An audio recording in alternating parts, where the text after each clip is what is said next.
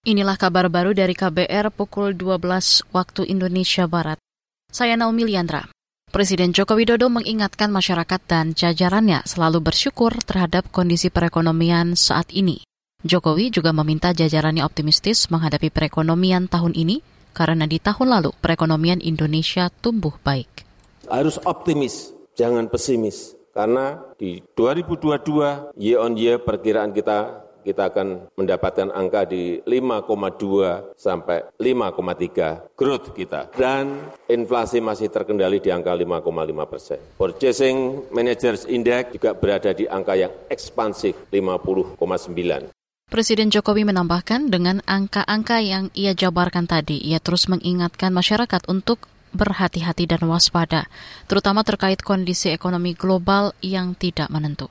Menteri Koordinator Bidang Politik, Hukum, dan Keamanan Mahfud MD mengakui indeks persepsi korupsi Indonesia tahun lalu terburuk sejak reformasi 1998. Di 2022, indeks persepsi korupsi Indonesia berada di skor 34. Mahfud menyebut indeks korupsi Indonesia di tahun sebelumnya cenderung alami kenaikan. Namun di 2022 justru turun drastis. Meski begitu, Mahfud mengklaim telah memprediksi penurunan indeks persepsi korupsi Indonesia 2022 itu.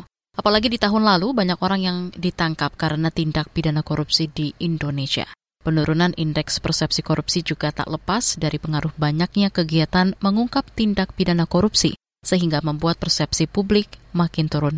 Saudara, total korban tewas akibat bom bunuh diri di sebuah masjid di kompleks polisi pesawar Pakistan bertambah menjadi 100 orang. Sebagian besar korban tewas merupakan aparat kepolisian. Selain korban tewas, serangan mematikan terbaru di Pakistan itu juga menyebabkan lebih dari 200 orang terluka.